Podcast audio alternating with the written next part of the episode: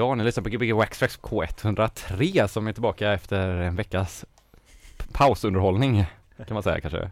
Det är det nya introt. Det är nya introt. Det sa du förra veckan också. Det säger jag nästan varje vecka kanske. Nej, det vet jag inte. Det tror jag inte. Pratar du på lite där på att du ska se om jag får upp din volym där? Vad är det? S3 är du? Där. Jaha. Du, vi har med oss Robin här. Robin Yes. Soderman. Ja. Ja.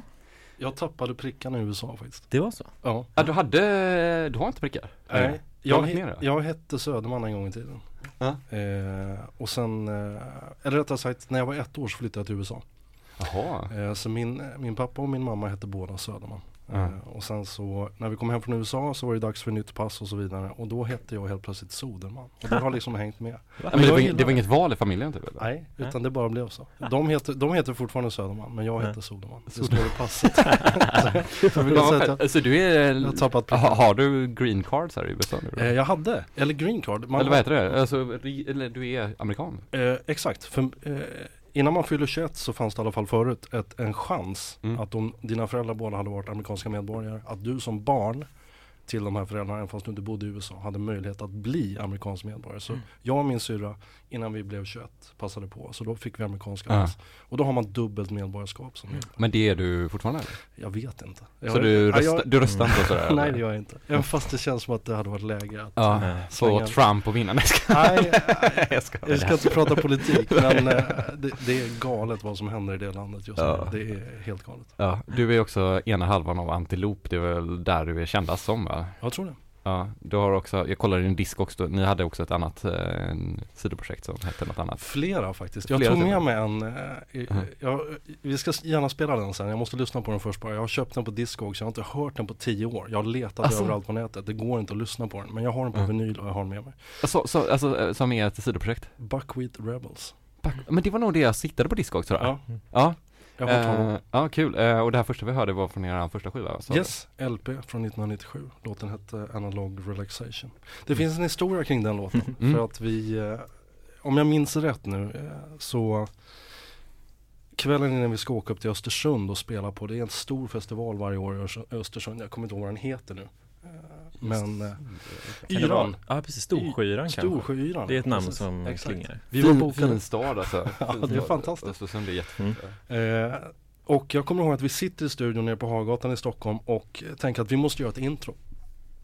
Så vi, eh, förlåt, vi eh, satte igång och började göra och det blev den här låten så att säga. Eh, nu när jag hör den idag så fattar inte jag riktigt, undrar, körde vi ens introt? Men Mm. det är en fin låt eh, och därför hamnar den på skivan. Och just det här härliga att det fortfarande är analoga 808, det är 303, liksom, det är bara syntar, det är mixerbord, det är midi. Mm. Det är knappt som man använde dator på den tiden. En dator för att styra allting förstås. Ja. Men allting är inspelat analogt och det hörs när man lyssnar på det. Inspelat på DAT eller analog analog? Exakt. tror jag. Dat, var det man mastrade på. Men eh, du säger att ni spelade då liksom och inte hade släppt en skiva, hur fick ni en, ett gig? Jaha, eh, det, det, var, det är inte hela sanningen. För att innan så hade vi ju släppt ett par låtar eh, via ett skivbolag som heter Fluid Records. Eh, och Fluid Records var en underlabel till Stockholm Records. Ola Håkansson som drev Stockholm Records är det techno-label Nej, va? det eh, Stockholm Records hade Cardigan, Stockholm Records Ja, hade liksom okej. hur mycket stora Mm. artister som helst. Men han var smart Ola Håkansson. Vad han gjorde var att han letade upp unga coola killar på stan, eller tjejer, Mm. som hade koll, som producerade musik, eh, eller DJade. Mm. För att vad han insåg var att om jag får de här killarna och supportar dem och ger dem pengar att starta skivbolag så kommer de signa morgondagens popproducenter. Det fattade han redan då. Ja. Så att eh, vi blev signade till Fluid Records och gjorde eh, flera låtar. Det släpptes ett, eh, en EP först och sen så kom det en samlingsskiva som heter Jungle to Trance. Jag ska se, jag har med mig väldigt mycket Jungle to Trance, alltså som i Jungle. Uh, Jungle Ja. och sen tvåa till Trance. Så det var liksom eh, Marusha, det var massa olika blandat med svenska Peanut Planet, Antilope hade med en låt där Ja, också. Eh, och det, det var så det började för att på den skivan låg en låt som hette, den kanske vi ska plocka fram och spela här nu. Eh, Beauty and the Beast. Beauty and Beast. Eh, som var eh, bland det första vi eh, gjorde eh, som hamnade på skiva. Och jag kommer ihåg att både jag och David var ju otroligt stolta och glada över att, ja, jag får inte fram den just nu, vi får leta upp den sen och spela den. Men eh, den började få rotation på P3. Jaha, alltså första låten ni nästan gjorde då? Yes, för den låg med på den här samlingsskivan. Samlingsskivan släpptes till media. Kalle Dernhoff plockade upp den och började spela Mm. den här. Mm. Eh, Sjuka Kalle Dernhoff har ju varit med hela tiden. Ja, alltså jag har ju hela min karriär att, att tacka honom för, kan jag säga. Eh, För att Det han, eller han breakade i alla fall oss i Sverige. Ja. Eh, för vad han gjorde var att han spelade här på kvällarna på P3 Klubb och P3 Ja. Dans. Just så, senare till Peter Eh, Dans. ja, och eh, det, det var något smittsamt med den här låten så att Pia Kallischer som då var chef på, på P3 på den tiden Ja. Eh, tog upp den här låten, hon var musikchef tror jag, och, och tog upp den och började spela den på dagtid. Så den hamnade liksom på B-rotation på P3 dagtid. Ja. Eh, vilket gjorde att helt plötsligt så började det pratas om den här låten. Så att vi hade liksom ett namn eh, redan eh, innan vi skulle upp på Storskyran. För vi- hade nog dessutom hunnit göra In My Mind och släppt den. Så jag tror att det här, Ja. när vi Och In My Mind är fortfarande er största hit va? det vill jag nog påstå. Ja. Eh, Det känns som att man söker på Antilop så kommer det upp Ja, först. eh, alla hittar den. Liksom. Mm, ja. Eh, Den var jättestor. Men, så att, eh, och den ligger ju med på samma skiva. Mm. Ska vi spela med musik och prata mer eller vad, hur vill ni göra? Du vill inte fråga, jag har ju så mycket frågor här nu. Mm. Nu tappar jag bort mig här bara för Men det är så skönt, vi har ju två timmar på Ja, oss. exakt. Ja, men jag jag- för det var en grej som jag tänkte på, för jag satt och pratade med några, de som var lite yngre, de är ju typ födda när Antilop var stora, Mm. eller ja, Mm, mm. Och har inte koll på Antilop liksom. Och Ja, så ja. var det så här typ att man försökte förklara musiken att, att just det, alltså där, liksom att typ, ja men, ja men det var någonting man hörde på Voxpop och P3 Mm. på sin tid Men det hade inte spelats där idag tror jag inte Nej, eh, Alltså det är lite svårt att förklara liksom. Ja. Men är det radiomusik? Nej men det är ju trance, det är ju techno, eller ja, Ja, trance exakt. techno liksom. Men egentligen? ja, det är också diff- diffus genre Vi- så här, men vi ja. började som DJs på jag och David. Eh, och för oss var det viktigt att eh, göra någonting som vi kunde spela. Det var liksom Mm. syftet med musikskapandet. Eh, att bli känd och liksom tjäna pengar, det var ett resultat. Eh, men det var aldrig målet. mm. Vi hade under många år, eh, jag minns eh, att Expressen gjorde en, de hade en sån här, eh, en lista över de största kändisarna i Sverige. Mhm. Det här kanske är 97, 98 någonting. Ja. På första plats och andra plats ligger Björn och Benny från ABBA. Ja. På tredje och fjärde plats har de lagt in Robin och David från Antilop. Mm. Med motiveringen att det här är typ, eh, de håller på att bli världens största popstjärnor och ingen vet vilka de här snubbarna är. Ja. För de, de var så imponerade av att hur stora vi än var, vi spelades överallt, så var det ingen som visste vilka var. Nej, så. Några sa, ja men de är från Tyskland liksom. Nej, nej, nej. Det, det var exakt det de sa idag, för det var det också några som var lite äldre och bara Oj, är det de finska? Bara, Nej, det är inte de finska, det är inte Darude. Ja, Ja men är det de där danska? Bara, Nej, det är inte Aqua. det var ju det var ett medvetet val från oss alltså, under många, många år att, att försöka, och det var en ständig kamp också. Ja. Att, att ständigt hålla, eh, tacka nej till vissa intervjuer, saker som vi kände att det här har inte med oss att göra. Det viktiga var musiken. Mm. Mm. Det här förstod ju andra artister som var i samma situation. Daft Punk till exempel, Adam Beijer. Mm. Eh, Jag menar, det finns en klassisk bild på Adam Beijer där han har fotat sig själv framifrån, eller blivit fotograferad, men allt man ser är en 12-tums vinyl framför ansiktet. Mm. Och det är en sån tydlig bild. För det var vad det handlade om för oss. Eh, inte bara Adam Beijer och Kalle Ekebusch om här utan eh, musiken var liksom det som var det viktiga här. Inte vilka vi var. Och, och det är klart att det blev eh, konstigt när vi låg på ett skivbolag. För att eh, till historien hör, för att knyta tillbaka till det vi pratade om alldeles nyss då. Vi låg ju på Fluid. Mm. Men när In My Mind börjar snurra, när de ringer från Israel och säger ni måste komma hit för liksom, ni börjar bli megastjärnor här. Israel hade ju samma MTV som Sverige hade på den tiden, MTV Nordics. Mhm. Och den började gå på MTV så att det blev jättestort i Israel. Då märkte vi att eh, Stockholm Records gick liksom in och bara vänta här nu. Eh, det här börjar lyfta, det här börjar ta. Vi måste ha den ekonomiska pulvret bakom när det här smäller. Mm. Eh, så att de inte ligger på fluid och, och vi inte kan, jag vet inte om det var kontroll de ville ha men eh, jag misstänker att de ville hjälpa till och få det här att bli så stort som möjligt så att säga. Så vi lyftes ganska snabbt upp till Stockholm Records. Jag vet att vi liksom helt plötsligt Mm. inte låg på Fluid Records längre. Mhm. Utan vi blev upp, upp, upplyfta till, till Stockholm Records. Eh, nu visste jag inte riktigt vart jag ville komma med den här historien. men eh, Ja. vi har ständigt kämpat med att, att eh, för att jo, de ville ju liksom skicka oss på alla de här möjliga intervjuerna. Inget ont om Stockholm Records, jag älskar de Ja. här människorna jag jobbar med där. Men de bokar ju oss på åka på Okej-intervjuer. Och vi liksom är så här, men varför ska vi göra ju- intervju för Okej? Jo men ni har, det är liksom människor som gillar er som läser Okej. Okej tänkte vi, då får vi väl göra det. Ja. Men ehm, det kändes som att de kanske inte riktigt förstod vad det var de hade i sina händer. Eh, förstår vad jag menar? Stockholm Records eller okej? Eh, eh, Stockholm Records. Stockholm Records fattar nog inte riktigt hur man skulle breaka den här typen av artister. I England kunde man det här. Ja, Eh, men man- ingen hade väl lite typ fem år extra kunskap av klubbkultursmusik typ så här. Exakt. Och Eh, BBC så- One på sitt sätt. Exakt, Mm. precis. Det fanns redan kulturen där. Mm. Så att jag menar Chemical Brothers, Prodigy, Mm. de gjorde inte okej intervjuer liksom. Mm. Eh, Inget ont om okej, det var världens roligaste tidning Mm. men Mm. det kändes inte helt aktuellt för oss. Eh, Nej. Ja, jag, jag förstår verkligen, för det är ju inte, okej är ju liksom inte, ja, jag tänker på så här folk som går ut i kanske skvall, skvall, skvallerpresstidningar och gör intervjuer. Blir också uppvaktade av dem på det sättet att folk skriver skvaller om Exakt. dem. För att så fort de har liksom gått in i den Att de världen kändisar. så är man, är man i den världen och då finns det folk som har de ögonen på en. Artister kanske som, jag vet inte riktigt, mer som du representerar. De skriver ju inte skvallerpressen om. de Liksom. läser den inte ens. Nej, nej men precis. så, att, eh, Ja. så det är bra att stanna utanför av den anledningen. Ma- man kan väl se det som att man är liksom producenten, alltså ni har ju varit producenter och, Ja. och de som har producerat de flesta så här stora artisterna i Sverige är ju inte de som syns utåt ändå Nej. heller. Mm. Typ. Och det är en bekväm roll att befinna sig i. Ja. Dels för att man oftast är Förutom E-Type de är lite Ja, ja men, Mm. han är ju till viss del producent också men jobbar Ja men jo men jag menar det. Alltså, Mm. att han, ja. Jobbar Nej, ofta med producenter. Men eh, det är, det, det blir eh, en kultur, kulturchock ska, Mm. ska jag inte säga men det, är- det, det är ett helt annat sätt att tänka. Det är en, man är artist utan att vilja vara artist Mm. helt enkelt. Men Sen finns det väl de producenterna som har gått från producenter till att vilja komma ut i rampljuset som Ja. artister också. Oh ja. Var det inte Lady Gaga till exempel? Var hon producent? Jag tror hon var producent innan hon blev artist. Jaha. Ja. Ja. Det får vi googla upp här nu då. Ja. Jag, jag litar på dig. Knappa på Jag vet inte kan jag säga. Inte jag. Ja, men jag säga- Ska, ska vi köra en låt och så pratar vi vidare? Vi kommer, det. vi kommer köra lite låt och prat i det här programmet Yes. idag eftersom att vi har så otroligt mycket frågor. det. Mm. Så vi tvingar honom att inte DJ här. Men lyssna på Gbg Wax 671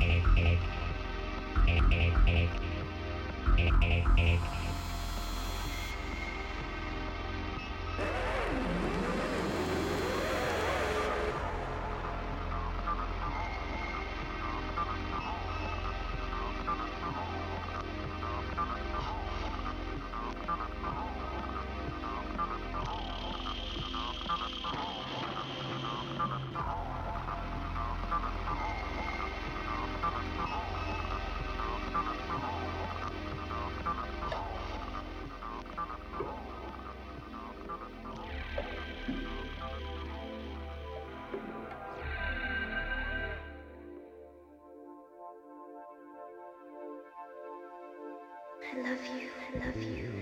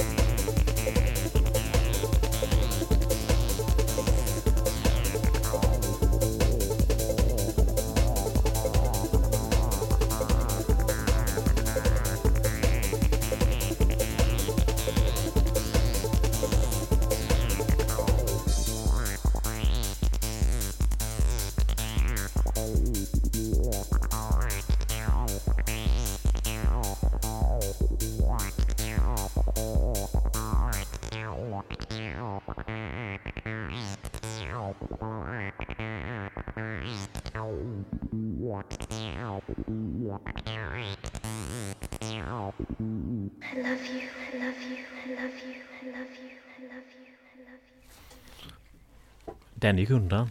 Ja, Det Det- var, det var snabbt på den tiden. det var den här låten som vi pratade om innan eh, Beauty and the Beast. Just det. Ehm, och det, eh, det var ju den låten vi blev signad med kan man säga. Mm, precis. Eh, och det, jag tror att den gjorde, vi gjorde det här redan 94. Vi spelade som DJs och jobbade väldigt mycket eh, och kom precis igång och började göra musik. Ja. Vi satt i ett studiokomplex ute på Lidingö. Ja. Eh, och där var det flera artister, blivande producenter och DJs. Eh, och vi lyckades få kontakt eh, med ett skivbolag i eh, det var ju Fluid, det visste vi inte om då. Det var en kompis med som heter Filip Tarmé, jag tror dessutom att han lyssnar idag. Han Mm. skrev till mig på Facebook. Big up. Mm. Ja, Big Up Filip. Han hade, jag tror att någon i hans släkt drev reklambyrå och på den reklambyrån jobbade en kille som heter Martin Stadhammar. Men jag är inte säker på att jag har alla fakta rätt här för ni får ursäkta, det är ändå 25 år sedan. Eh, och, Det är eh, 25 rave-år sedan. ja, exakt.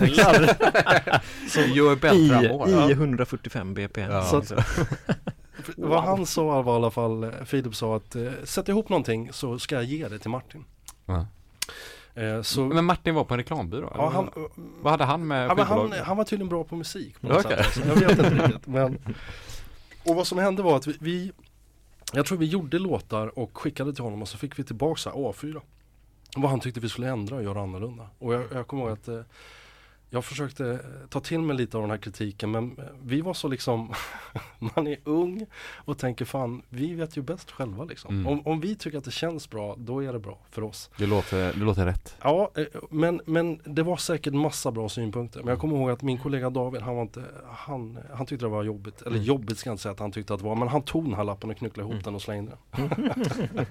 men vi lärde oss någonting om det och i på lappen fanns det dessutom kontaktuppgifter till eh, Fluid Records. Aha, okej. Så det var där det började. Ja, ja. Så att vi eh, gick ihop alla producenter i studion, satte ihop en datt. Alla gjorde en eller två låtar som vi dunkade ner på den här datten och så skickade vi iväg den till eh, Ja. Fluid och vi fick svar efter ett par veckor och de sa att låt nummer sex är vi intresserade av. Och vilken var det? Var detta det? Det den? var Antelope Beauty and the Beast, den vi precis hörde. Ja. Mm. Som man måste också höra Alexander Bergs eh, remix av. Just det. Mm. Som du hade hört. Ja, den har jag hört. Jag har inte med mig den dock men Mm. Vad tyckte du den var okej eller? Ja, mer än Ja. okej. Och Ja. jag, kunde, eh, jag fick höra den i somras av eh, Pontus och Mm. jag blev glad när jag hörde den. Mm. För det känns som att han, hade, han har tagit från flera olika versioner och dessutom gillat låten. Och för mig som har gjort det här för 25 år sedan och så får höra någon som har tagit tag i det. För jag tänker genast att det här hade man ju aldrig gjort om man inte hade gillat det. Mm. Nej nej, herregud. Du var ju också Mm. spelare ute. eh, Exakt. Det, och det är ju tio år sedan vi hörde den av honom så den är ju Mm. gammal för Ja, det, var, Mm. det var jätteroligt att få höra och Ja. jag tyckte om den i allra högsta grad. Innan dess hörde vi Joa Beltram Just det. Eh, och sen spelade jag någonting med Future och London. Och Mm. anledningen till att jag gjorde det är för att det är två artister som har betytt så otroligt mycket både för mig men också David. Eh, jag minns att jag, det fanns ju inte CD-spelare på den här tiden ens liksom. Mm. vi, vi pratar att det här, jag tror att det är 91, 92, 93, Mm. 94. Eh, jag har starka minnen av att jag går runt och lyssnar på den här musiken, Joey Beltram på, på kassettband. Jag vet inte hur jag har fått tag på det men jag har det på Mm. kassettband liksom. Och sitter utomhus och, och är helt golvad av Mm. den här technon. Det är den där ecstasy-låten då. Exakt bland annat.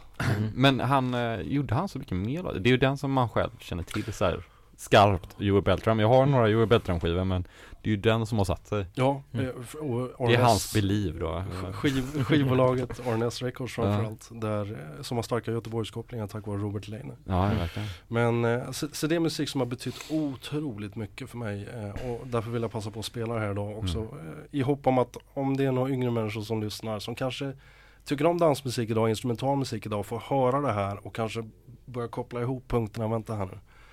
Nu förstår jag varför dansmusik idag låter som den gör om den lät så här för 25 år sedan. Mm. Mm. Det fanns mycket bra artister på den tiden Mm. som, som verkligen inspirerade. Eh, Orb.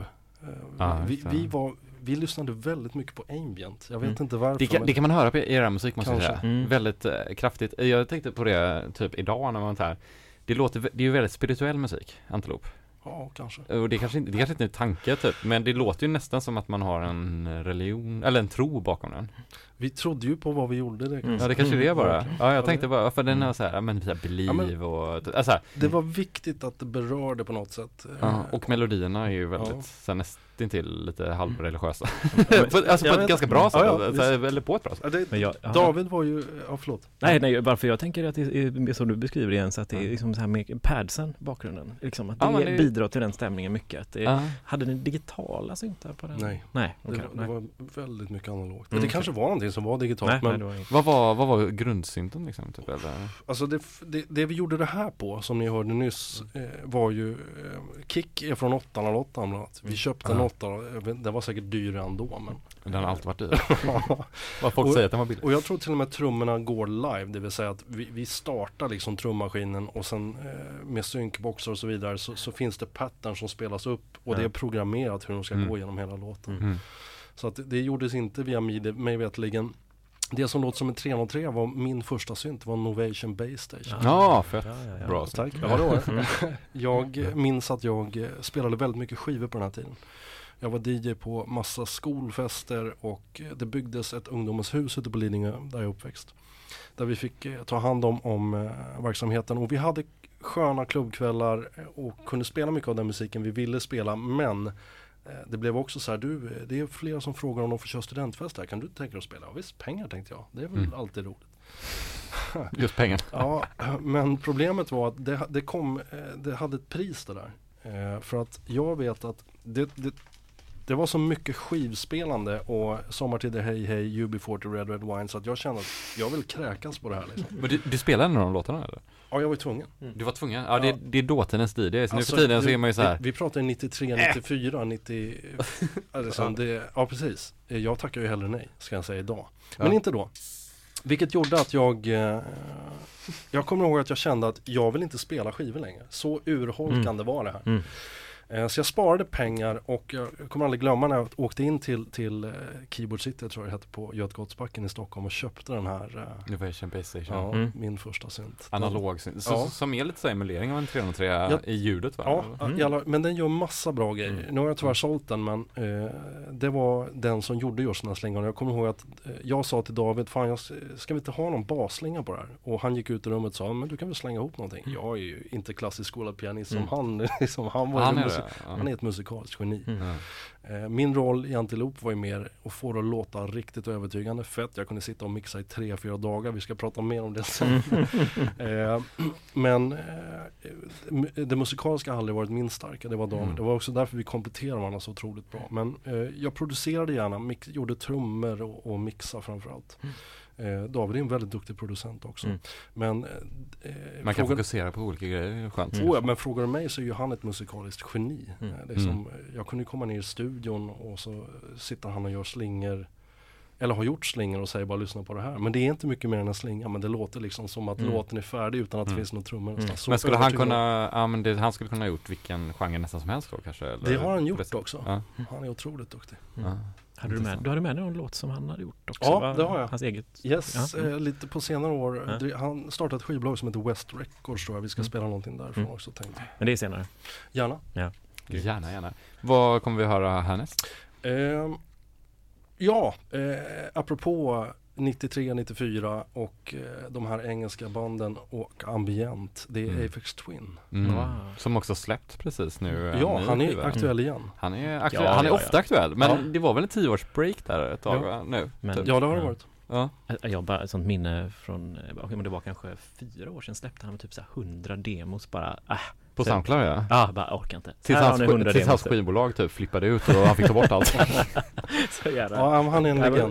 Det är så underbart. Den ligger queuad om vi vill Ska köra. vi trycka Ja. igång en, en låt? Behöver dra upp regeln bara. Mm. Vilken är det? Det är den sådär? Nej. Eh, den vänstra. Den sådär? Yes. Apex Twin och det är nog X-Tal vi får höra tror jag. Mm.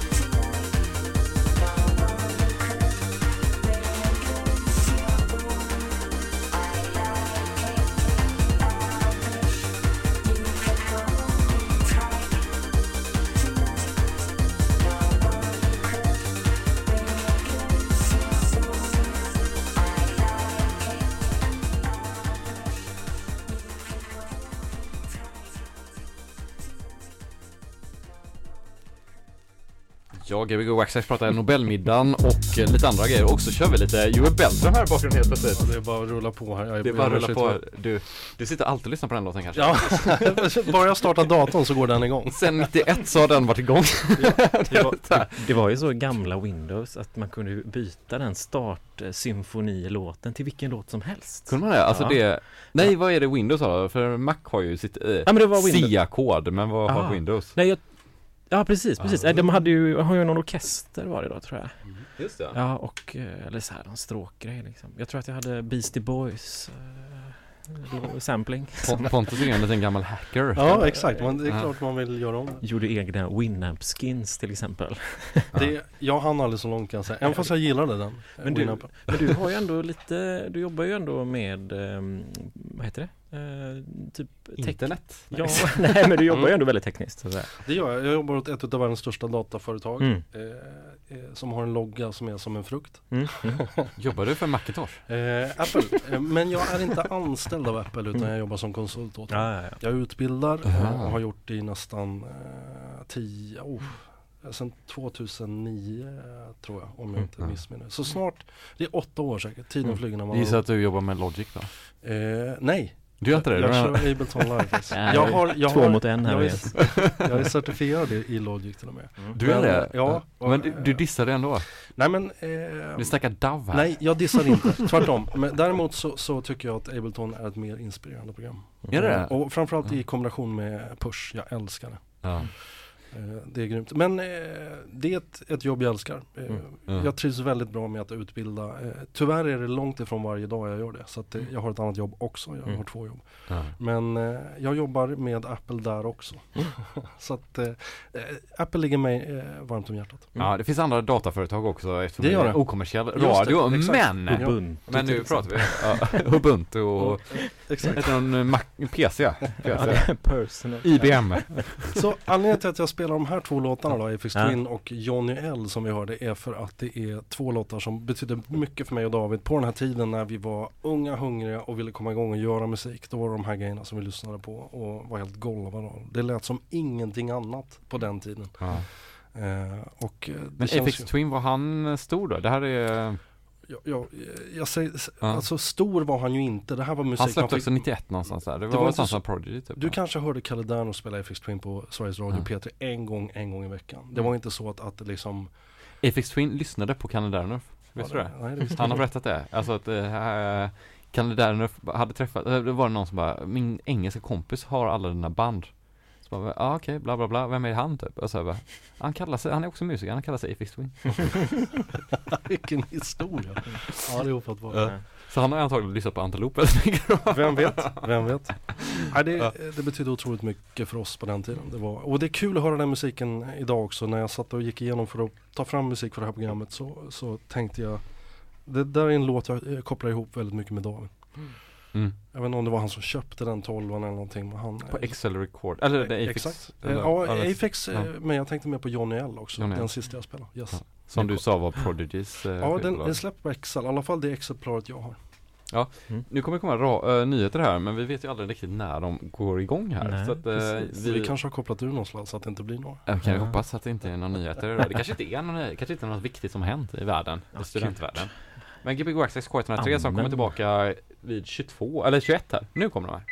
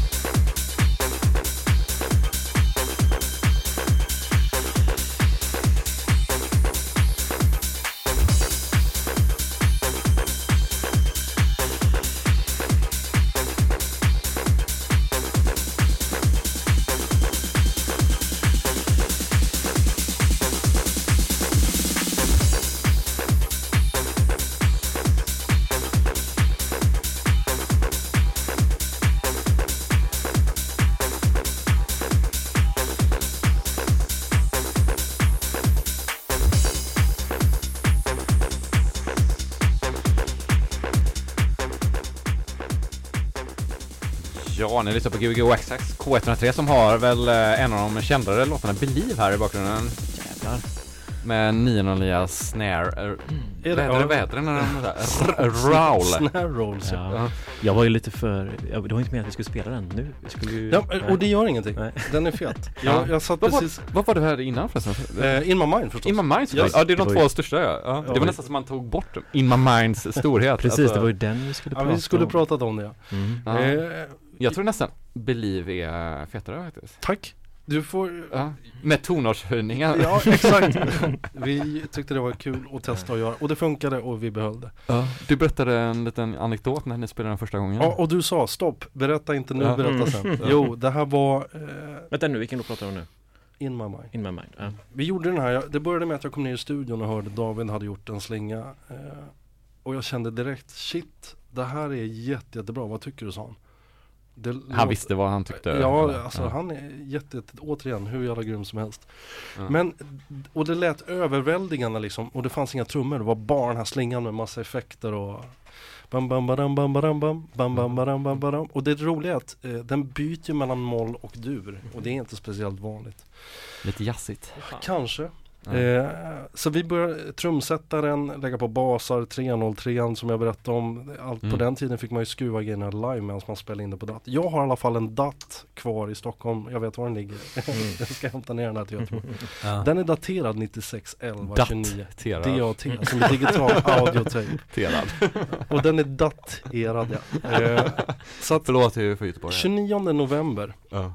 96 så gjorde vi, vi, eller vi spelade in alla olika versioner. Och det roliga på den här datorn finns det liksom 15 versioner Ja. av In My Mind. Ah. Och hade man lyssnat igenom dem idag så hör man nog ingen skillnad, men vi hörde skillnad. Mm. Så att vi tänkte okej, jag tror att vi har valt låt eller version 7 eller 6 eller någonting. För Mm. där har vi höjt kicken lite, sänkt. Så att vi var ju perfektionister både jag och David. Och det var viktigt att det lät rätt eh, och att det kändes rätt. Men eh, när, medan vi satt och gjorde den här eh, låten i, för då hade vi flyttat in till stan till skivbolagets studio nere på Hagagatan i Stockholm. Där ligger för övrigt fortfarande eh, Ten eh, som jobbar med Sara Larsson bland annat och så vidare. Det är Mm. samma människor. Eh, eh, men där satt vi och eh, då var det ju andra människor som gjorde dansmusik som satt där nere också. Fluid Records hade de här lokalerna i Stockholm då Mm. på Hagatan. Och jag menar, alla hörde ju vad alla jobbar med och in i studion kom det hela tiden folk. Bara, Vilken jävla hit, vad är det här liksom? Kan inte vi göra en mix? Ja visst sa vi. Ja. Så de fick eh, röstsampling, det var bland det sista vi la på by the way. Eh, och slingan och så vidare. Men remixarna blev liksom färdiga innan vi hade gjort färdig vår singelversion. För ni var sådana perfektionister? Ja, eller? inte bara det utan vi ville ju få den rätt så att säga och eh, vi visste kanske inte riktigt hur vi skulle arrangera och allting men eh, så att jag minns så tydligt att remixer gjordes färdigt innan i alla fall. Ja. Hur som helst, eh, nyår passerar, den släpps någon gång på våren 97 då? yes. Och vi spelar, har sånt tydligt minne av det här, vi spelar på Berns i Stockholm. Det är en Ja. jävligt skön lokal att lira i. Alltså bottenvåningen? Stora, stora salen liksom. Mm. Eh, med de här vackra kristallkronorna och träsnidor på väggar och allting. Energy har festival.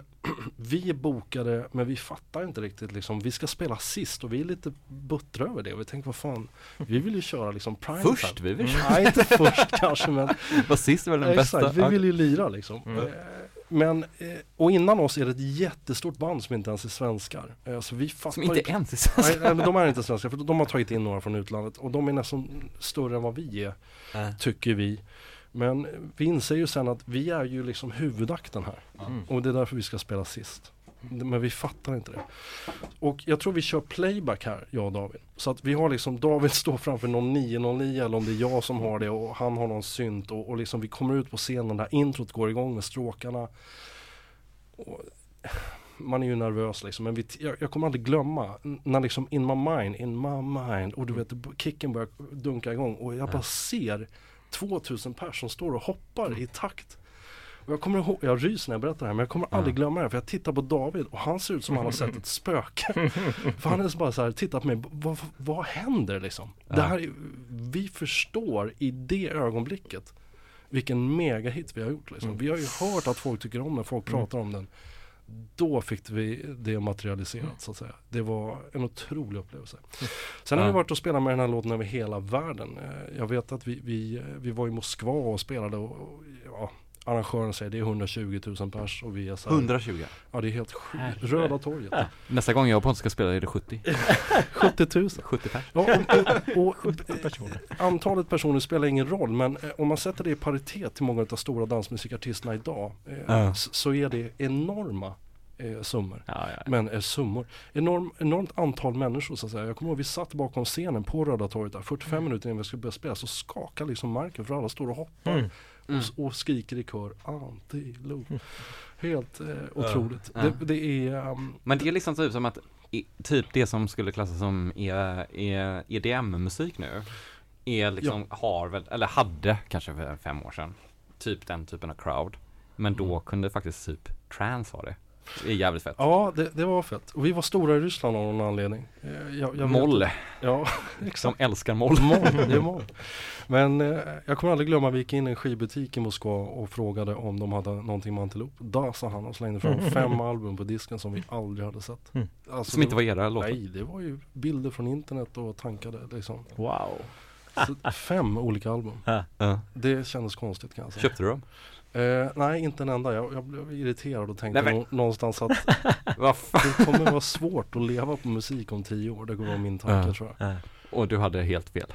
Ja, eh, alltså i, i rätt i, i, för att många musikproducenter har ju tvingats sluta göra musik eh, under 2000-talet, alltså 2010 och framåt. Men Mm. nu börjar egentligen ordna sig med Spotify. Men det är väl att, ja, och att de själva kanske har insett hur man ska tjäna pengar. Ja, och starta egna bolag, Ja. äger mastern själv så Ja, att säga. spela mer ute. Yes.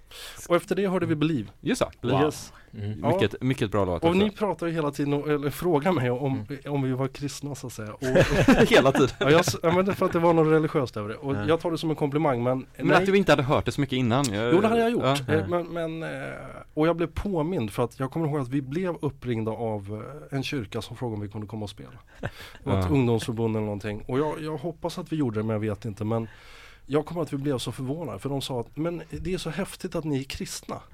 Mm. Och vi bara va? Ja men In My Mind och I Believe och I Love You och de här låtarna. För, för kristna, andra, det är bara kristna människor som eh, pratar om sådana här Ja men de var helt säkra på att vi var liksom det största Mm. kristna technobandet i, i, i Sverige eller världen. Så de ville boka oss och jag hoppas att vi spelade men jag har hört det förut. Ja. Men Believe är, är en, en låt som fortfarande ger mig gåshud även när jag hör den idag. Jag Ja. valde att spela dubbversionen för jag har så starkt minne av den här när vi spelade den i, i eh, Norge på Spektrum i Oslo för första gången. Vi hade precis gjort den och vi var ute och turnerade ganska mycket på den här tiden. Jag tror att jag och David gjorde Vi gjorde två eller tre riktigt stora DJ-turnéer i Sverige. Eh, och det Mm. var, i- visst, vi drog ju fulla hus hela tiden men det var ju liksom hardcore människor som reste långt för att få se oss spela skivor. Jag tror så här med handen Mm. eller med, med, med facit i hand att vi var ju väldigt, vi var för tidiga Mm. eh, att göra det här så att säga. Mm. Jämfört med, med de banden som kom sen. Jag tänker på Swedish House Mafia och de här. Men det var vi, nej det är ju helt fantastiskt som det var tidigare. Ja alltså det, det är jättekul. Men, Ja, det, det hade säkert kunnat tjäna mer pengar. ja men pengar är ju inte, är inte det som är Men, det eh, viktiga. men liksom. eh, credden är ju mycket högre. Jag tycker det. Ja, alltså, jag, jag, alltså jag, nu vet ju inte jag exakt vad ni hade för crowd för jag var ju för ung egentligen för att kunna vara en, eh, gå och se En believer. Ja precis, eh, jag hörde ju det på radio och såg det på tv liksom. Mm. Men för jag, jag ser ju någon slags eh, klasskillnad i då den nya, som du säger, en Swedish House- Mafia, E- EDM-genren liksom och kanske techno på 90-talet.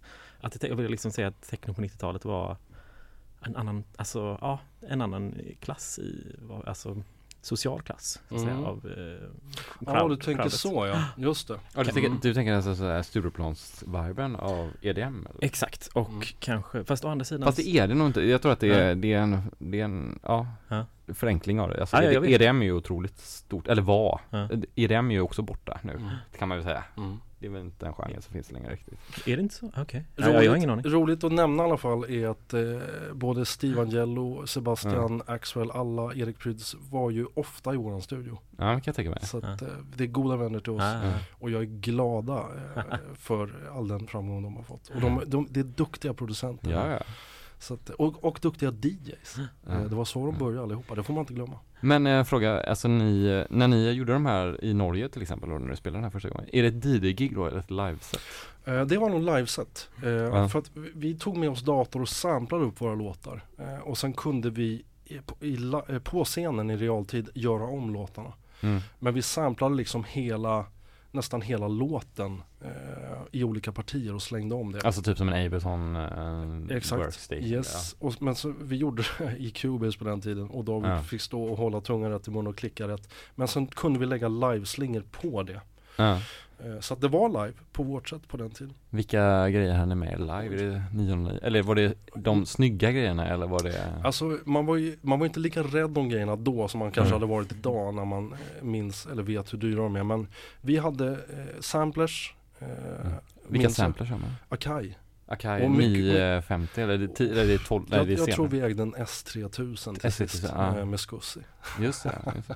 Är det en rack-variant? Ja exakt Mm. och, och mycket av slingorna i både Believe och In My Mind sample, alltså David är, är ju som jag berättade ett musikaliskt geni. Han, eh, många frågar oss vad är det för synt ni använder i Believe? Och Mm. jag brukar svara vilken utav dem menar du? Mm. För slingan är liksom eh, utan att överdriva 12-13 olika syntar Jävlar. som jag har mixat ner till att låta som Mm. en synt så att säga. Mm. Det tog dagar men tills vi fick det precis som vi ville ha det. Jag tänker såhär JP 8000 tror man att det är, men det är det inte. JD800 är med. JD. Absolut Mm. i allra högsta grad. Vi hade Core Monopolies, vi hade Ja. 1080, 2080 workstations Ah, från ja, Roland ja. som var mycket bra basljud. Nordlid är med i det där. Norli fanns redan då? Ja, och, och Korg har vi med i, ja men det här är ändå 97, 98. Ja, det är då de kom då. Believe gjorde vi 98. Men vi samplade in de här slingorna när de var färdiga i samplen och sen så eh, kom jag väl all- alltid på resonans i, i Akajen Ah, sampler för att mm. det köttade till det liksom. Det kändes ännu Mm. mustigare och så kunde man svepa bara med med bend eller eh, Mm. vilket hjul på, på Mm. keyboardet och sen så kunde vi automatisera det som vi ville ha det så att säga. Det är, Mm. Så att mycket eh, gjordes manuellt men sen samplades in för att feta till det för att få de här filtereffekterna. Du berättade att någon hade sagt ja det låter som att de är under vatten från början och sen Mm. så kom Mm. upp det är ju filtereffekt. Ja, det är en fin effekt. Vilket Mm. filter kör ni? Ja det var jag kan ju med Det använda. alltså det är rena vi, Akai-filter? vi samplade och det, det är basic liksom, ingenting. Och sen Ja. kommer jag ihåg också vi hade de här eh, kickdropparna, man hör liksom att det sveper Mm. ner och vi var och mastrade här hos Björn Engelman. och det, de är ju tajmade liksom så att precis när det slutar, när det vibrerar som mest, Mm. man hör det fortfarande, kanske till och med känner det. Då kommer kicken igen. Men han ville ju skära runt 40 hertz liksom för att ge plats åt det andra. Det En vinyl-mastering? Ja, det, det var ju både vinyl och CD men Ja. det fanns ju inte hur mycket utrymme som helst. Man kunde få mer energi i mellanregistret om han skar i basen. Vilket resulterade i att den här droppen gick och så blev det tyst i en och en halv sekund och han tänkte inte på det och vi sa Björn för helvete det här går inte.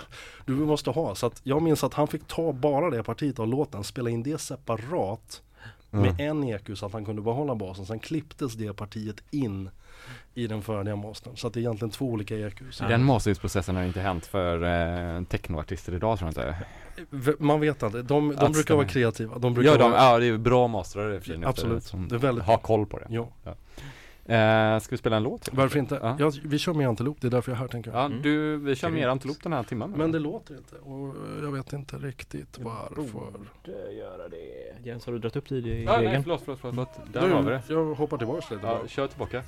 Jag har Timbuktu här i bakgrunden. Absolut. Säg till när du... Varsågod. Ja.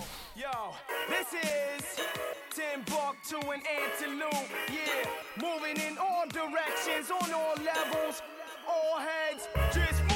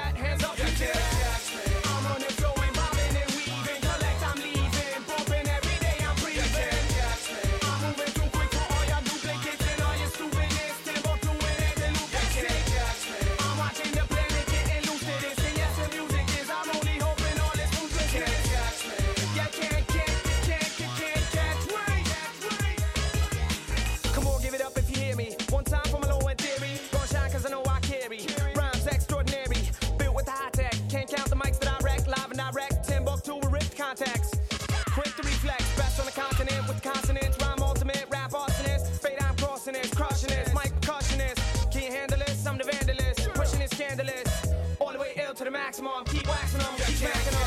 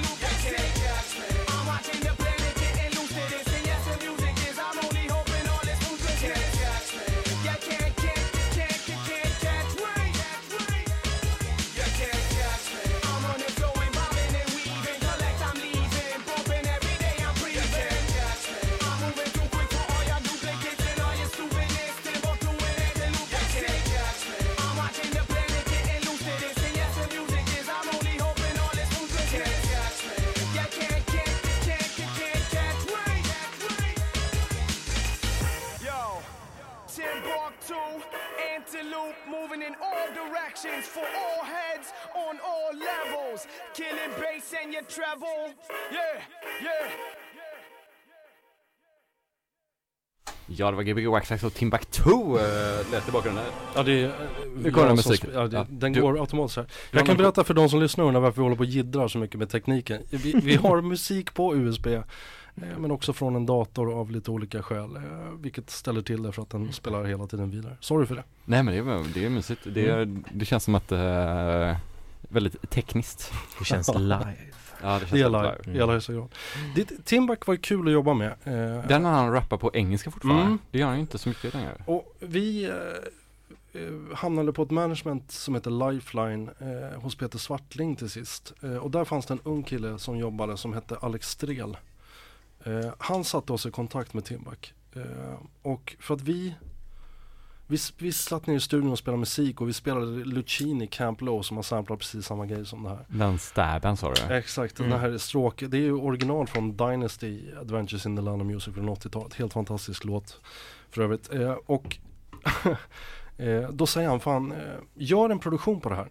Eh, Så, vill jag, så skickar jag det till Timbuktu. Och bara veckan efter kom han ner och var färdig och hade skrivit eh, text och allting. Så vi bara, eh, vadå vill du spela in idag? Han bara, varför inte vi kör? Da, när är detta? Oj, det här är runt 2001, t- kanske 2002. Ja. Eh, Men då hade han ändå släppt lite grejer innan. Ja, jag ska ärlig, vara ärlig och säga att jag har dålig koll på honom på den tiden. Annat Ja. än att jag minns att vi träffade honom. Vi, vi hade väldigt roligt ihop. Vi gick ut ihop, vi spelade tv-spel ihop. eh, Han känns som en sån som är rolig att gå ut med. han är världens, eh, Jason är världens skönaste kille. Bra skater också tror jag. Ja säkert. Eh, Tror jag, det är nej, men han, han har amerikanskt påbrå vill jag minnas. Och, eh, ja, det var fantastiskt roligt att jobba med honom. Vilket proffs och eh, kul att få göra den här låten. Vad som hände var Ja. att P3 fick nys om den här låten. Jag tror att min kompis eh, som jobbar på P3, Mats Lamberg, eh, smugglade upp den på något sätt. Ja. De fick nys om den här låten och ringer till vårt skivbolag och säger vi vill spela den här låten. Och vi vill lägga upp den, vi, vi kan nog garantera en B-lista eller A-lista direkt liksom. Mm. Eh, Problemet var att vårt skivbolag hade helt andra planer för det här albumet. De ville släppa låtar som var liksom mer traditionella antiloplåtar som de uttryckte det. Och Ja. vi, vi var ganska, vi tänkte om vi ska ha en chans med den här låten så måste vi släppa den först. För det, det är så annorlunda från Antilop hur vi lät och, och ska vi göra det då får vi göra det fullt ut. Då släpper vi det som första singeln från albumet. Och floppar den så gör det ingenting för det finns massa låtar som låter som Antilop lät förut ändå.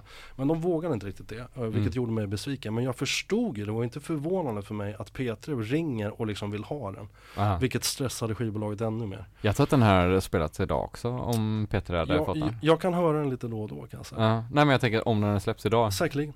Timbuktu, Den är Antelope, på. ja. Det är en bra Varför låt. inte? Tack. Eh, jag tänkte på det.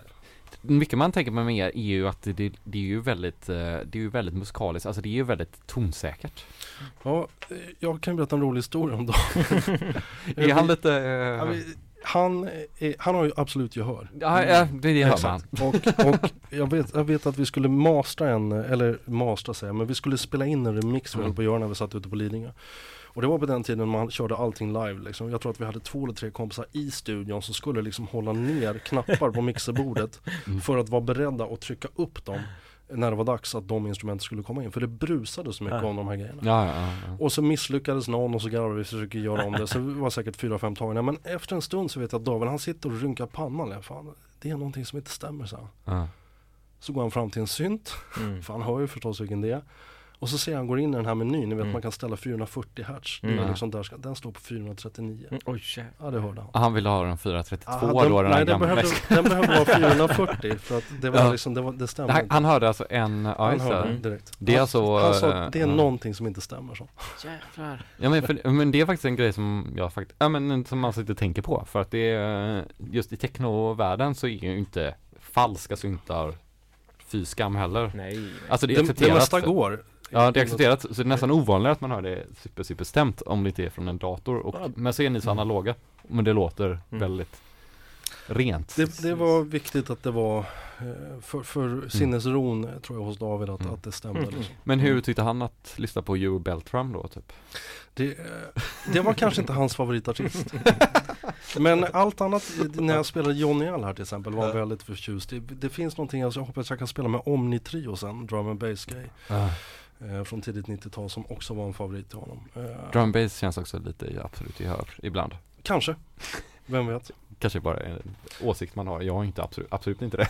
Jag rycker på axlarna. Det, Jag antingen, rycker axlarna antingen istället. föds man ju med det och då säger man att det är en sjukdom. Ja, det Eh, eller så tränar man upp det. Men det, det, Mm. för de som har det medfött kan det vara riktigt jobbigt. Mm. Om någonting är felstämt hemma, en fläkt, Mm. Ett, en kyl, en kompressor som liksom låter och inte vara Jag har hört, jag har hört bland de värsta, det är alltså för att man, man stämmer ju sitt huvud utifrån det man har som stämgaffel då, Mhm. när man är liten. Alltså typ som om du har ett piano när du är liten så kommer du stämma ditt absoluta gehör efter det pianot. Ja, just det. Så har du ett ostämt piano hemma, alltså ett, ett lite off-stämt Mm. piano, så kommer allt i framtiden låta lite som att du typ har tagit, om man tänker som för oss som kanske bara ser i bilder, att man har ändrat hue saturation på en Mm. bild. Just Så allting låter lite, ser lite fel ut, fast Mm. låter lite Det är den inbyggda Ja. stämgaffeln liksom. Mm. Ja, så det, så det kommer alltid vara lite fel men du kommer kunna acceptera det. Mm. Men det kommer alltid se lite fel ut, för det är inte Intressant. så som det Nu kanske det är bättre att fråga honom om det här men eh, det är vad jag har hört. Yes. Ja, men det, ja, det hörs. Och det Mm. låter, det, det är ju nog också en väldigt stor del av att det låter väldigt bra. Typ. Som Tack. den här basgången är ju Mm, du frågade om den ja. ja. fantastiskt är snygg och låter väldigt tight och en basgång är ju inte lätt att få perfekt stämd och gott. Jag tror man har en lågsynt, eh, någon eh, SE1, någon racksynt. Det är en Moog-klon. Men den Just det, är det är från eh, Studio, Electronics. Studio Ja. Electronics ja. Gör fortfarande syntar än idag. Ja, de gör skitbra, de gjorde med Mm. Roland nu precis. Eh, SN06. En, Ja. re, en remake på Ja, den. och de kommer upp- SN02 heter det. Ja, de kommer upp ibland de gamla och inte för dyra men har lite olika goa filter och 303 Jag köpte sex stycken, de är fantastiskt roliga att Mm. hålla på med. Du har ju studio nu också, har du Mm, kvar dem Liten studio. Ja, jag, alltså, jag har ingen utrustning kvar från den tiden vi gjorde eller det har jag säkert någonting. Sålde du det eller vad hände? Vi sålde grejer och eh, ja, jag vet inte ärligt talat var allting tog vägen. Eh, vi har inte blivit av med det liksom eh, otillbörligt på något sätt utan Mm. det har sålts. Mm. Men det, vad man inte får glömma bort är att på den här tiden så var det helt plötsligt så att man skulle gå in och göra allting i datorn. Mm. Och jag vet att vi med, med, med ganska stor försiktighet liksom, okej vi testar det här för att det är så sjukt mycket smidigare att jobba på det här sättet. Allting gick att automatisera, yes. Mm. Men vi hörde att det lät ju inte alls lika bra. Jag hör det än idag.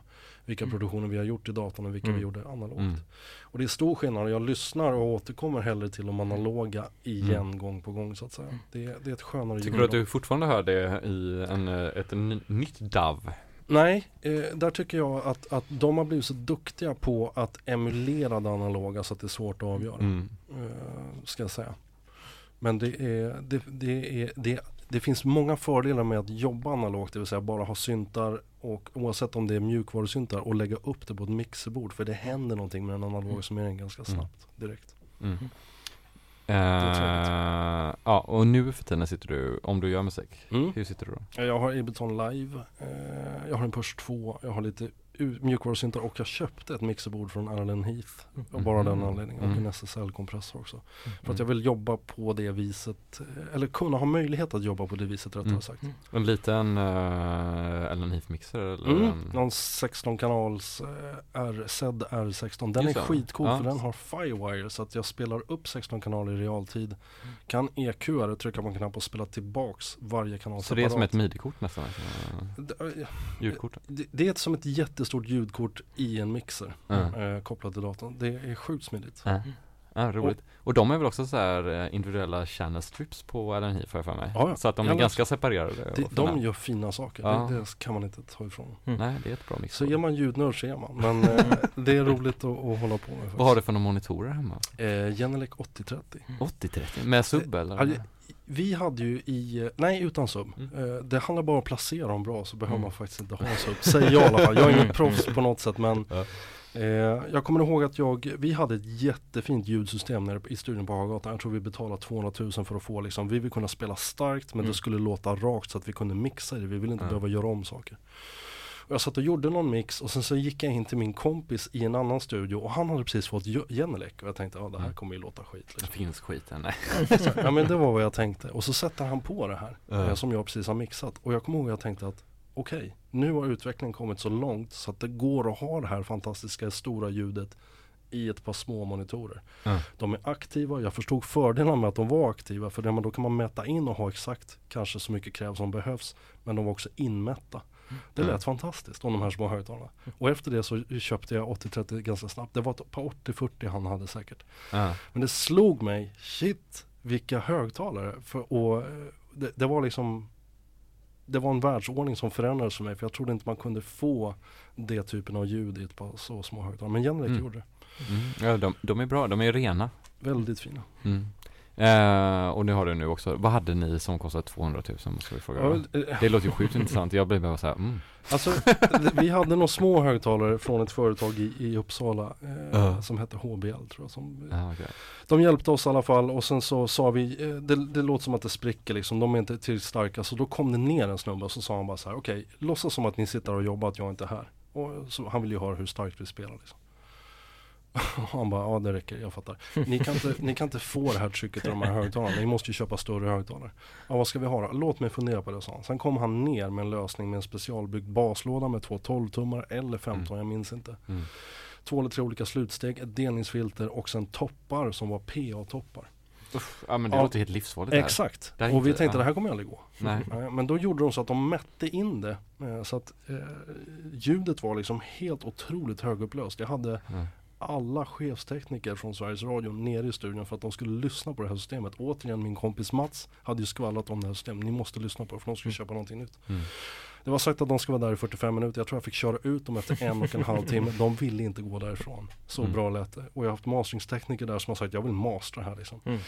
Det lät fantastiskt men i början så ställde de in det helt rakt och Mm. vi hade så ont i öronen för att de här hornen gjorde ju att det, det gick liksom inte att spela starkt. Det blev för mycket så att Mm. det, vi, det slutade med någon typ av kompromiss men resultatet var fantastiskt. Ja, ja. Så det var liksom inte så, det var inte masteringskompromissen då utan eh, det är lite så här man Vi, vi, vi kunde inte typ. köra helt rakt med tanke på Nej. hur högtalarna var byggda. Men det, det funkar alldeles utmärkt för oss ändå så att säga. Eh. Och det, det var ett fantastiskt ljudsystem. Jag hoppas och tror att det sitter kvar där nere. Ja. Jag vet att Vincent eh, Pontare som eh, gör, skriver åt Swedish House Mafia bland annat. De tog över. Är det Harry Pontares, eller vad heter han? Eh, det är Roger Pontares. Roger Harry Pontare? Harry. Det är Roger Pontares son, Ja. eh, Vincent. Han Ja. köpte loss det utav mig. Eh, så slapp vi flytta det. Och det, var, det känns skönt att det sitter kvar. Det är ett jättefint Ja. ljudsystem. Det är inställt en gång för alla så man behöver liksom inte röra det. Om det inte har gått sönder. Ja det är ju drömmen typ det får man hoppas att det inte har gjort. ja. Eh, Men du sa också att ni, spelar ju mycket på Docklands, vilket är Nej, det, Ni vi, gjorde inte det? vi var mycket på Docklands. Men okej. men eh, vi, däremot så spelade vi på en svartklubb i Stockholm som heter Le Garage. Le Garage, är det pre eller post Docklands? Alltså det det här är nog, post det, det, jag skulle säga att det är, oj, 94, 95. Ja, Jag Jag kommer aldrig glömma, jag åkte in i vår, vi åkte in i, i min gamla sunkiga Volvo med syntar. Spelade live på den här nattklubben. Vi stod alltid uppe på en övervåning. Eh, Mm. Mårten Attling och Micke Elmenbäck. Micke Elmenbäck som idag driver tidningen Bonn. Mårten Attling jag kompis med på Facebook. Tror jag fortfarande håller på med lite med musik i alla fall. Ja. Jag vet inte vad han jobbar med eh, men eh, de två drev eh, Le Garage som är en legendarisk svartklubb och Ja. vi fick hela tiden förfrågan om att komma tillbaks. Eh, Och skämtsamt har han sagt, eller någon av någon gång, ni var ju för fan husband hos oss på den tiden. Så ofta var vi där och spelade. Ja, vad fett. Men det här var innan vi hade slagit igenom. Det, jag skulle säga att det är 94, ni- 95 säkert. Mm. Spelade vi mycket, mycket där. Varför började ni göra musik? Var det för att kunna få spelningar? Nej, eh, det var nog för att kunna spela musik som vi kände att vi inte kunde köpa. Mm, det är en bra anledning. Ja, vi var ju mm. DJs från början, både jag och David. Mm. Så att det var eh, Det som saknas. Exakt. Det du, vet- jag tror att du vet vad jag menar. Ja. Eller många som... Ja, Jens, du har sagt det till mig många gånger så här. Jag bara, fan det är så jävla svårt att hitta bra musik. Du Det bara, men gör bara den musiken som du Ja, vill köpa det, till. det Ja. var så det började. Ja, nej men det är fint. Det är väldigt fint. Annars så, ja men inte så Adam Beijer och så här att man startade ett skivbolag för att man ville få spela. För att man var för Eh, liten för ja, att komma nej, in på klubben. Just det, typ. det kommer jag ihåg. Mm. nej, det var inte våran, eh, utan spelningen blev ett resultat av, av den framgången utifrån musiken vi gjorde i studion. Så, så. Hur ser du skillnaden på en klubb eh, på den tiden liksom? Är det, är det en svartklubb? eh, Du kanske inte går ut jättemycket nu för tiden på svartklubbarna, det vet Nej. jag inte men eh, Jag var på klubb eh, häromkvällen med Pontus faktiskt. Vad var vi Alltså? då? Men vet du, här om kvällen? Vänta, Ja, det för någon månad sedan, var vi inte det? Ja, vi, eh, nej, vänta nu. Nej. Var det jag var jag, tappar, med? jag har tappat minnet Ja. där tror jag. Nej men är, jag, jag går väldigt sällan ut. Jag är förälder idag. Eh, vilket är ett fantastiskt liv. Men eh, för att svara på din fråga. Eh, musiken förstås. Det är den största skillnaden. jo jo. Nej men jag såg något klipp på Facebook, en kompis till mig som heter Henke som skickade eh, han skick, det, var, det bara stod så här, eh, det var på Youtube liksom. R- Classic rave eller rave eh, Mm. liksom. Och Ja. det var någon låt som var helt, bara, det var jävla technomangel bara. Mm. Och, och, och hur folk dansade, det var liksom ingen som stod med mobiler längre. Det var liksom fokus på DJn, det var fokus på glädje. Då eller nu? Nej, då. Okej, det du- bara du är nostalgiker. Det, ja, förlåt, det bara smittar av sig i det här Youtube-klippet hur man Ja. ser Mm. människor. Jag- blev tagen direkt när jag såg det. Tack för att du skickade förresten. Mm. Det, det var liksom eh, Det När du ställer frågan så tänker jag direkt på det. Det, det kändes äkta på, Jag säger inte att det är oäkta idag. Det är en helt annan musik idag. Mm. Eh, Men jag menar du kan ju fortfarande gå på riktigt bra technoklubb eh, idag. Vi har ju inte den riktigt den kulturen i Sverige och har inte haft, även fast det sticker upp här och där. Mm. Eh, men eh, jag är inte rätt person att uttrycka mig heller. För att jag, jag, jag gick på klubb väldigt, väldigt mycket förut. Mm. Men eh, inte... Det var Det, ju, det är väldigt lätt att bli nostalgisk, tänker jag. Det, för det känner jag själv att jag högsta har grad. eh, tendensen att komma Jag- bli den Ja. personen. jag, jag blir nyfiken när jag hör om eran klubb. Jag skulle nämligen komma på den och bara gå ut eh, på, Ja. på helt förutsättningslöst så att säga. Men musiken är ju absolut största skillnaden. Jag menar, det lät annorlunda på den tiden. Bara det faktum att folk gör musik i datorn idag och att man på den tiden gjorde allting analogt. Det Mm. känns annorlunda. Men sen tänker jag typ nu för tiden, alltså att du har ju också för, för det du berättar, det är ju väldigt stor genre av technon som är väldigt lik typ. Det är väldigt många av artisterna, typ Surgeon och sådana Mm. technoartister som fortfarande är jättestora technoartister och Mm. även såhär Jeff Mills och sådana liksom, typ. Men, eh, och som kör på samma sätt. Så att musiken man spelade då skulle ju funka, eller funkar ju fortfarande lika bra. Mm. Och jag kommer ihåg att Robert Leiner hade ett av sina bästa sätt jag hört var när det var en 1994-fest och han skulle Ja. spela exakt som han spelade då och kom bara med sina vinyler och jag bara Ja, det var grymt. Han bara, ja på den tiden så ändrade vi vinylspelarna när vi skulle spela så att vi trimmade dem som om de pitchade upp till 15 istället. Mm. Alltså jag vet inte om han gjorde det den kvällen men Mm. 15% plus i pitch Ja, alltså för att det Ja, var ingen annars- som ville köra i 125, det var Nej. ju bara 145 Ja. Och att det har ju kommit tillbaka att nu är det inget konstigt att spela, göra låtar i 145 längre Nej. Medan det har ju varit i 20 år sedan då ni Ja, höll mm. på Jag vet ju Att bara det när jag var lyssnar på våra gamla låtar att Ja. jag det här går för snabbt liksom. Ja, och nu känns det ändå Ja. så här, nu Mm. har det kommit katt Det kommer igen. Ja, och det är Allt, skönt det går tillbaks mot Ja. 90-talet, helt Mm. klart. Ja, och just den där lite mer progressiva Mm. typ viben så. Ska vi spela en låt kanske? Vi har suttit och Mm. Det babblat finns en QAD eh, tror jag på, där borta. Ja. Eh, se dig spela. Jättegärna. Ska jag trycka på play nu då? Gör det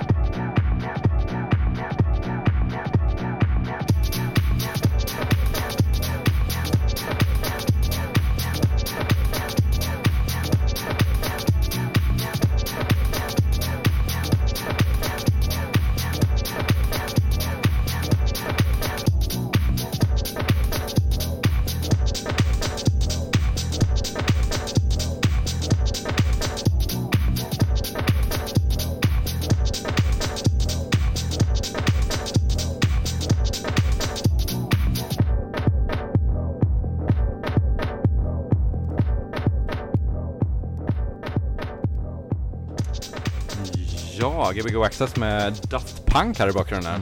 Från Va? Homeworks. Ja, vilken skiva? Minnen. Är det, vad är det här? Är det 94? 95? 96 Ja. eller 97? När jag Ja. säger minnen, då har jag minnen från mitt Förlåt, det måste vara sov- 97. Ja, det var 97. Nej, jag har minnen från mitt sovrum. Det är liksom, jag gick ju inte ut eller när man hörde de här låtarna. Jag ung. Jag kommer ihåg att du, vi åkte in till stan och så köpte du eh, folk, eller Ja. cider 35 som du hade i si- sovrum som du drack på fredagarna. Ja, det var på... Det var fint. Coolt. Det var när vi var små. Du, du hade en liten anekdot. Ja, anledningen till att jag valde att ta med mig Daft Punk och spela det här idag är för att jag, jag brukar berätta en historia om Daft Punk. Eh, det var så att vi var i Frankrike och skulle spela på Energy. Eh, Franska i, Energy tror jag. Exakt, jag tror vi nådde 150 miljoner lyssnare någonting. Är, vi fick en timme, vi skulle köra. Men fran, vi märkte på fransmännen, liksom de från det franska skivbolaget, de var lite halvnervösa för att vi hade fått föreställningen, de hade sagt till oss, ni ska få spela en timme på Energy helt själva, det är hur stort som helst. Mm. Ja, visst. Men sen liksom märkte vi att det var någonting med dem och de ville liksom inte riktigt säga vad det var. Hur som helst, efter ett tag så kom det fram. Det är några andra som kommer lira också. Det, under den timmen? Nej, eh, efter eller före oss, jag Mm. minns inte Ja. exakt. Eh, och vi är lite nyfiket, "Ah, ja men vilka är det då liksom? Ja, det kanske inte har hört talas om dem, men de heter Daft Punk. What? Både jag och David var Ni visste vilka det var? Ja det är klart vi gjorde. Mm. Ja. Vi hade ju hört skivan, vi hade köpt skivan, vi älskade skivan. Eh, Ja. Det var väldigt kul att få träffa dem. Eh, Mm. Vi- möttes i korridoren. Jag kommer ihåg hur de sitter liksom i korridoren när vi kommer upp där. Ja. Så att, eh, och de spelar bara massa disco, det var superskönt. Ja. Men eh, det var därför jag ville spela Daft Punk. Mm. Eh, Daft Punks föräldrar, eller någon av dem är väl någon discoproducent va? Ja just det. Eh, Ja. Det har du helt rätt i. Mm. Och det är även de, en utav dem ligger ju bakom Stardust bland annat. Världen, En utav världens största danshits Ja, ja, ja. ever. Förutom Daft Punk då som är helt fantastiskt. Men det apropå det här att inte vilja visa sina ansikten. De Just har ju det. tagit det, de kör det fortfarande. Ja. Robert Hjalmar. Men de Ja. gjorde inte det i början? Eh, nej, exakt. Mm. Och, eh, och vi har träffat dem också, vilket var riktigt coolt. Grymt! Eh, vi, vi börjar närma oss slutet Ja, här, kör så vi ska mer köra musik. sista skivan här. Varför inte? Fantastiskt fint att ha haft det här. Och, Tack för att få varit här. Ja, du kommer säkert komma tillbaka om du vill prata Mer vidare. än gärna, det här var Två superroligt. timmar till av eh, Men vi ska inte prata Anekdoter. om den här låten då? Ja det kan vi göra. Det här är eh, en skiva jag hittat på Discogs. Jag har behövt köpa den för att jag vill ha mer den. Eh, det är första vinylen ikväll. Ja, jag och David under ett annat alias. Eh, labeln heter Monday Bar Experience för er som känner till Monday Bar. En av världens största, Sven, Sveriges största klubbar som fortfarande kör events. Men Mm. på den här tiden handlade det om ett skivbolag. Vi blev tillfrågade om vi ville göra en remix. Eh, men vi gjorde den under ett annat namn, till Buckwheat Rebels. Mm. Fett. Den här köpte du på Discogs? Ja, jag har fått den eh, precis från Schweiz. ja. Och det, det, det, helt otroligt förpackad, jättefint skick. Ja. Och jag satte på den nu för jag ville höra den innan jag spelade Mm. den. Och eh, den låter precis lika fett som jag minns. Ho- hoppas att den personen som sålde den förstod att han sålde tillbaka den till den som har gjort den. Det tror jag inte. Gbg Waxxax K103 med Antilope. Push that body, body, body. Push that body, body, body. Push that body, body, body. Push